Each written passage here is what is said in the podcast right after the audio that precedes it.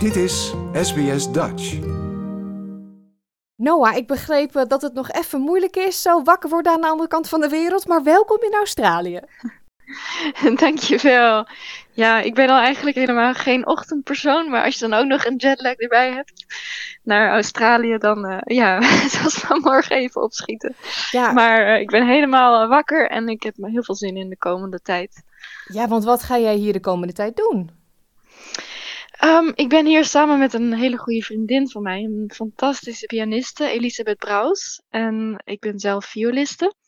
En ja, we gaan samen door Australië toeren voor de komende drie weken. Dus we geven best wel wat concerten, een stuk of 10, 11 concerten door het hele land. En op dit moment zijn we in Perth. Dus uh, we hebben er allebei heel veel zin in. Zijn heel benieuwd. Allebei eerste keer in Australië. Dus heel bijzonder om dit te mogen doen. Ja, want ik zal even opnoemen: Perth, Adelaide, Sydney, Newcastle, Brisbane, Melbourne, Canberra en Coffs Harbour. Dat is niet niks eh, in een paar weken. Dat is behoorlijk reizen Precies. Ja, het is inderdaad ook veel reizen. Dus het zal ook uh, een intensieve tijd zijn. Uh, maar ja, het zijn twee iets verschillende recitalprogramma's. Ze hebben twee programma's voorbereid. En tussendoor hebben we ook wel vrije tijd. Dus dat komt wel goed. Het zal inderdaad ook veel reizen tussendoor zijn. Ja, en je zegt twee verschillende programma's. Waar hangt dat dan van af? Is het dan grote stad en wat kleinere stad? Of hoe, hoe kies je dat? Ja, ik denk dat het per stad, per zaal hebben ze dat uitgekozen. Welke stukken ze precies willen. We hebben gewoon een, hoeveelheid aan stukken aangeboden. Dus sommige programma's zien er iets anders uit dan de andere programma's. Uh, maar het lijkt allemaal wel, uh, wel op elkaar. Het zijn ja, twee grote sonates die elkaar afwisselen. Maar verder is, is het programma hetzelfde. Hmm. Nou ben je 22, dus relatief jong. Ik weet niet mhm. of dat in de, in de klassieke muziek ook jong is. Uh, ik hoop het. Nee, maar ik bedoel, uh, jouw collega's, zijn die allemaal jong of zijn die al wat ouder? Ik bedoel, in de sport zijn mensen altijd jong, hè? Want als je ouder wordt, kan je het fysiek niet meer aan. Maar hoe zit dat in de klassieke muziek? Um, nou ja, ja, ik ben nog steeds wel jong, denk ik. Maar uh, ja, aan de andere kant hou je er ook in de muziek niet zoveel mee bezig als in de sport. Want uh, in de muziek ja, ben je gewoon met elkaar aan het muziek maken. En dan maakt het verder ook niet zoveel uit hoe oud je bent. Als je maar met elkaar goed kan verbinden wat dat betreft. En uh, goed kan samenwerken. En dat het fijn voelt om samen muziek te maken. Hmm. Dus um, wat dat betreft nou, maakt leeftijd niet zo heel veel uit. Maar ik hoop wel dat ik nog uh, veel voor me heb. ja, maar.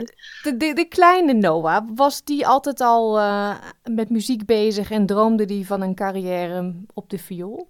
Ik ben begonnen met vioolspelen toen ik vier jaar oud was. Dus uh, ik ben er al wel even mee bezig. En um, ik heb het altijd heel leuk gevonden om muziek te maken. En ik heb heel veel mooie dingen mogen beleven daardoor. En veel gereisd en veel met mensen, ja, mensen ontmoet en met mensen kunnen samenspelen.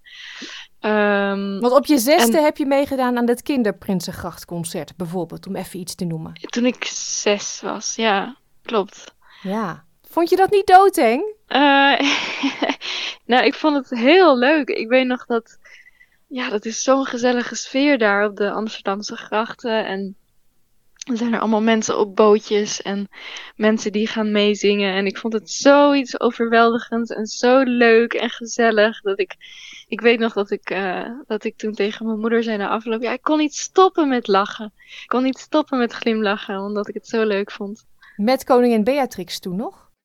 Oh, dat uh, weet ik niet precies eigenlijk. Ja, dat leek je als zesjarige niet op natuurlijk. het is al heel lang geleden. Ik heb haar in de tussentijd een paar keer ontmoet. Maar uh, ik, ik, ik weet het niet, het zou kunnen. Nee. Je hebt het muziek ook wel met de paplepel ingegoten gekregen? Uh, ja, allebei mijn ouders zijn muzie muzici. Ze komen uit een uh, muzikusgezin. En het is al vanaf van jongs af aan speelde het een grote rol in ons gezin. Dus het is, ja, natuurlijk is het ook hard werken achter de schermen. Maar aan de andere kant heb ik ook gewoon een vrije jeugd gehad en nooit het idee gehad dat ik, uh, dat ik me ergens toe verplicht voelde of zo. Dus het is altijd gewoon uit mezelf gekomen. Ja, en een groot onderdeel. Dus dan is het heel normaal om ook een instrument te bespelen en uh, daarin verder precies, te gaan. Precies, ja, precies. Ja. Zijn je ouders trots? Oh, ja. Nou ja, ik, ik, ik, zie ze niet zo heel vaak, want ik woon in Berlijn.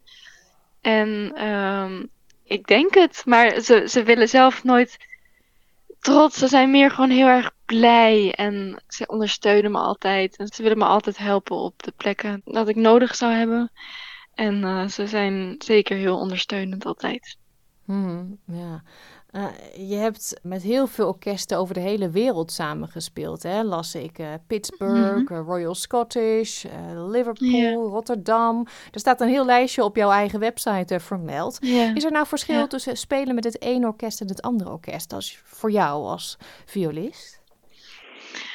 Ja, natuurlijk zijn er wel verschillen tussen de orkesten. Het is altijd een soort andere vibe waar je in komt. Het zijn natuurlijk an altijd andere mensen.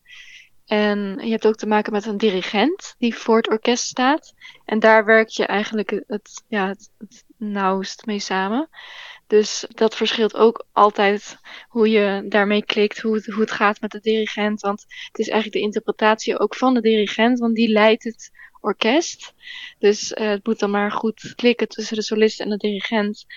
En dat is altijd weer een ander verhaal. En meestal gaat het, uh, gaat het goed.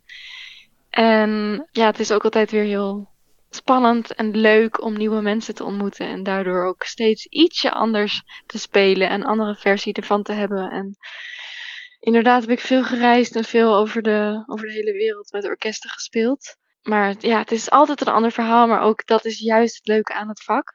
Omdat het steeds weer een nieuw avontuur is. Mm Ja, en nu sta je op het podium als duo dus met de pianiste, die vriendin ja, Elisabeth. Um, hoe voelt dat? dat? Dat is misschien best wel heel intiem met z'n tweeën. Zeker, ja, dat is wel iets heel anders dan als je met een orkest op het podium staat. Maar wij kennen elkaar heel goed. We spelen al heel lang samen en we zijn ook hele goede, dikke vriendinnen. Uh, dus dat voelt heel fijn op het podium, dat we elkaar ook echt goed kennen en dat we elkaar volledig kunnen vertrouwen. En daardoor voelen we ons allebei heel fijn op het podium met elkaar. Mm -hmm. Wat kunnen mensen verwachten die naar jullie komen luisteren? Um, we hebben een uh, heel spannend, interessant programma samengesteld. Het is een uh, half Frans programma met Debussy en Messiaen en Frank sonaten. En aan de andere kant uh, is er, staat ook een modern werk op het programma van een Australische componiste, May Lyon. En um, ja, dat is, dat is ook altijd spannend als je een nieuw werk hebt dat nog nooit eerder is gespeeld. Zij heeft een werk speciaal voor ons geschreven. Dus dat zal uh, ook ja, anders zijn dan de andere stukken. Maar hopelijk ook weer nieuwe inzichten en nieuwe invloeden brengen in het programma. En dan hebben we ook nog een bijzondere sonate van Inescu. Wat Hongaarse muziek is eigenlijk. Hij heeft ook lang in Frankrijk gewoond, dus je hoort ook de Franse invloeden. En dit stuk is uh, vol met ja, eigenlijk volksmuziek invloeden en het klinkt bijna geïmproviseerd. Het is een heel bijzonder stuk. Dus uh, we hebben veel afwisseling ook in het programma. Als leek, hè, denk ik, jij vertelt dan over dat hele nieuwe stuk, Forces of Nature, als ik het goed heb. Hè? Dat is van die Australische ja, componist. Is het dan stiekem ook niet Um, een beetje dat je denkt, oeh, als ik nu een foutje maak, dan hoort niemand dat. Want dit is een heel nieuw stuk. Al zit een componist misschien wel in de zaal en die denkt, ja. maar hoe, ja, hoe is dat? Ja, dat heb je inderdaad helemaal goed. Dat is inderdaad wat minder opvallend dan omdat nog niemand het kent. Maar de componist is er zelf ook bij, dus daar willen we het wel goed voor doen. Dus ja, dat zomaar snap allemaal ik. andere noten spelen. Nee, nee, nee. Waar kijk je het meest naar uit in de komende weken? Is het een stad of een speciale zaal? Of... Nou, naar de kangaroes natuurlijk. nee, ik denk dat we de afwisseling van de, van de verschillende concertzalen. we komen naar heel veel bijzondere plekken. Dus ik denk dat dat heel bijzonder gaat worden. De afwisseling en de programma's. Uh, de tijd die we samen gaan doorbrengen. En ik denk dat we ook heel veel bijzondere mensen zullen ontmoeten. Dus uh, ja, het zal een groot avontuur worden de komende drie weken. Like, deel, geef je reactie. Volg SBS Dutch op Facebook.